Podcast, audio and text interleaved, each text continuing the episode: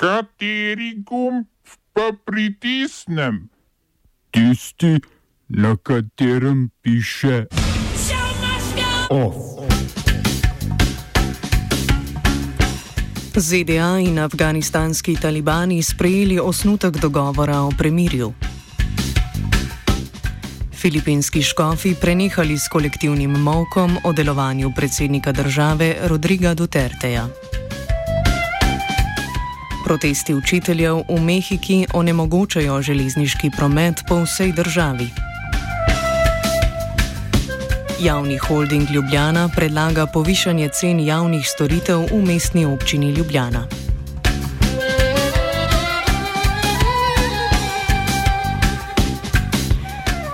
Združene države Amerike in afganistanski talibani so po šestdnevnih pogajanjih v Katarju sprejeli osnutek dogovora o premirju.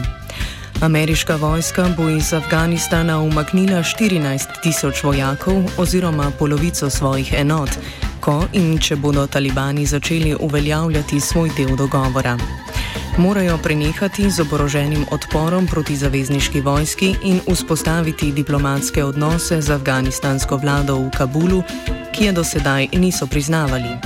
ZDA s tem dogovorom pričakujejo postopen zaključek svoje najdaljše vojne, ki se je začela v dneh po 11. septembru 2001. Afganistanski predsednik Ashraf Ghani opozarja na nevarnost prehitrega umika ameriške vojske.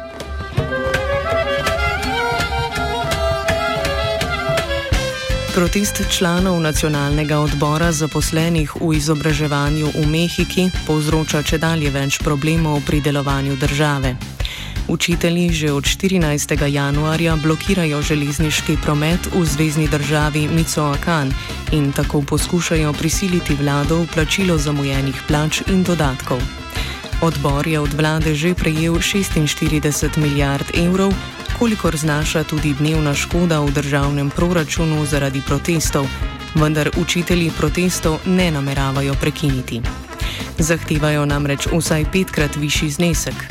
Zasebno železniško podjetje Ferromex, ki upravlja z največjim delom mehiške železniške mreže, opozarja, da bo zaradi onemogočene dostave proizvodnih dobrin kmalo začelo primankovati koruzne in pšenične moke.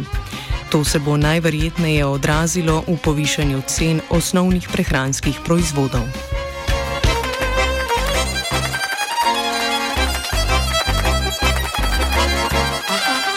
Filipinski rimsko-katoliški škofi so s koncem plenarnega zasedanja, ki je potekalo od sobote do ponedeljka, prekinili kolektivno tišino o tako imenovanih zaskrbljujočih vprašanjih. Tako je več kot 80 škofov kolektivno obsodilo dejanja filipinskega predsednika Rodriga Duterteja. Ta že od junija 2016, ko je bil izvoljen, v javnih nastopih napada rimsko-katoliške duhovnike in uporablja sovražni govor proti cerkvi in Bogu. Več kot 80 odstotkov prebivalcev te otoške države se sicer opredeljuje za katoličane, kar ni ustavilo Duterteja, da je konec novembra javno pozval Filipince naj prenehajo z obiskovanjem cerkve, junija pa je Boga označil za neumnega. Vladajoča mjanmarska stranka Nacionalna liga za demokracijo je v parlamentu vložila predlog za spremembo ustave, ki je bila sprejeta leta 2008 pod skoraj 50-letno vojaško diktaturo.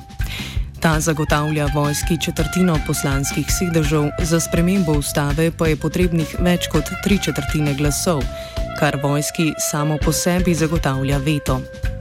Hkrati je onemogočeno predsednikovanje Aung San Suu Kyi, vodje Nacionalne lige za demokracijo, saj ima dva otroka z Britancem, kar je po ustavi za predsedniške kandidate prepovedano.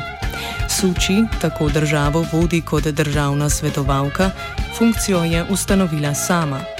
Predlog za spremembo ustave je odgovor na pritiske svetovne javnosti na mjanmarsko vlado in vojsko zaradi nasilja nad ljudstvom Rohingov, ki je leta 2017 povzročilo množičen beg muslimanov v sosednji Bangladeš.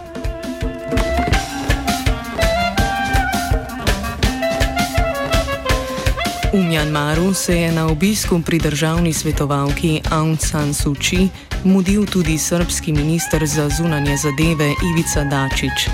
Dogovorila sta se o prihodnjem gospodarskem sodelovanju, potrdila več desetletij trajajoče prijateljstvo med državama in narodoma, Dačič pa se je mjanmarski državni svetovalki zahvalil tudi za dosledno nepriznavanje kosovske neodvisnosti.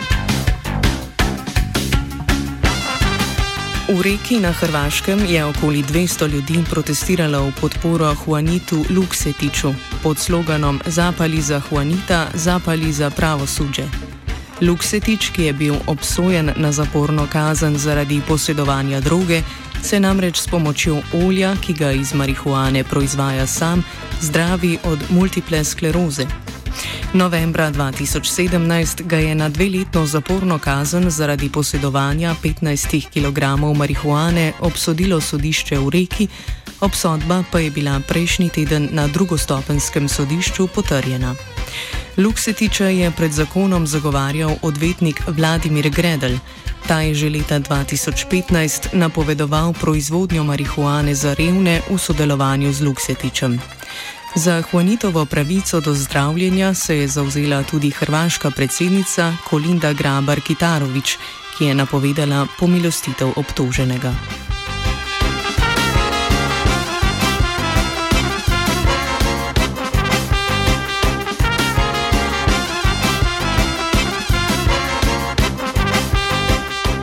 Oba, če bom odgovoril na angliški.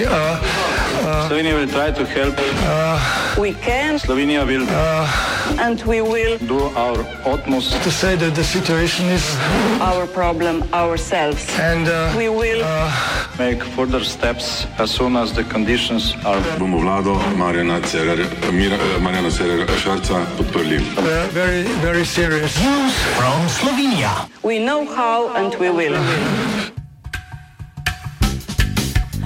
Družba Javni holding Ljubljana, ki združuje javne storitve mestne občine Ljubljana, kot so javni prevozi, komunala, vodovod, kanalizacija in energetika, je na novinarski konferenci napovedala podražitve. Za 10 centov se bo podražila enkratna karta ljubljanskega mestnega prometa, ki bo tako stala 1,30 evro in ena ura parkiranja v središču mesta, za katero bomo ponovem odšteli evro in pol. Grobnina na žalah se bo podražila za 10 odstotkov, torej od 2,1 do 3,5 evra letno. Z dvigom cen in vzpostavitvijo novih letnih vozovnic za ljubljanski potniški promet si holding prizadeva za večji delež uporabnikov, ki si lasti terminsko vozovnico. Tako bi lahko čez čas omogočili vstopanje na avtobuse tudi pri zadnjih vratih. Do takrat na zadnja vrata samo brez vozovnice.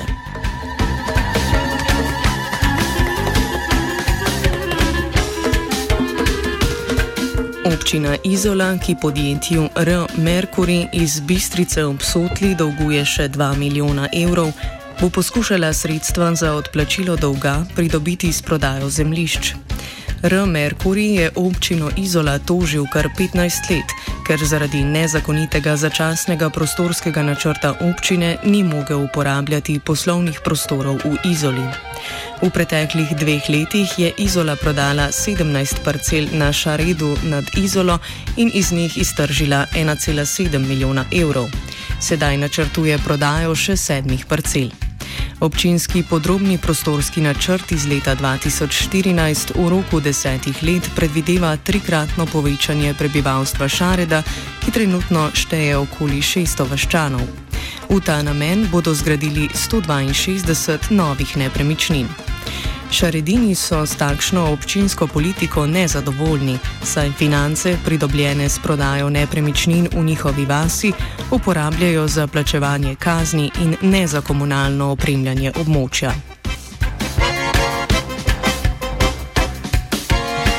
Po sindikatu poštnih delavcev je danes tudi sindikat delavcev prometa in zvez sporočil, da zavrača dogovor s Pošto Slovenije o politiki stroškov dela. Zavrnitvijo dogovora oba sindikata začenjata s pripravo stavkovnih aktivnosti. O borbi za boljše delovne pogoje in morebitni stavki več v današnjem offsajdu ob 17. Off je pripravil Virant.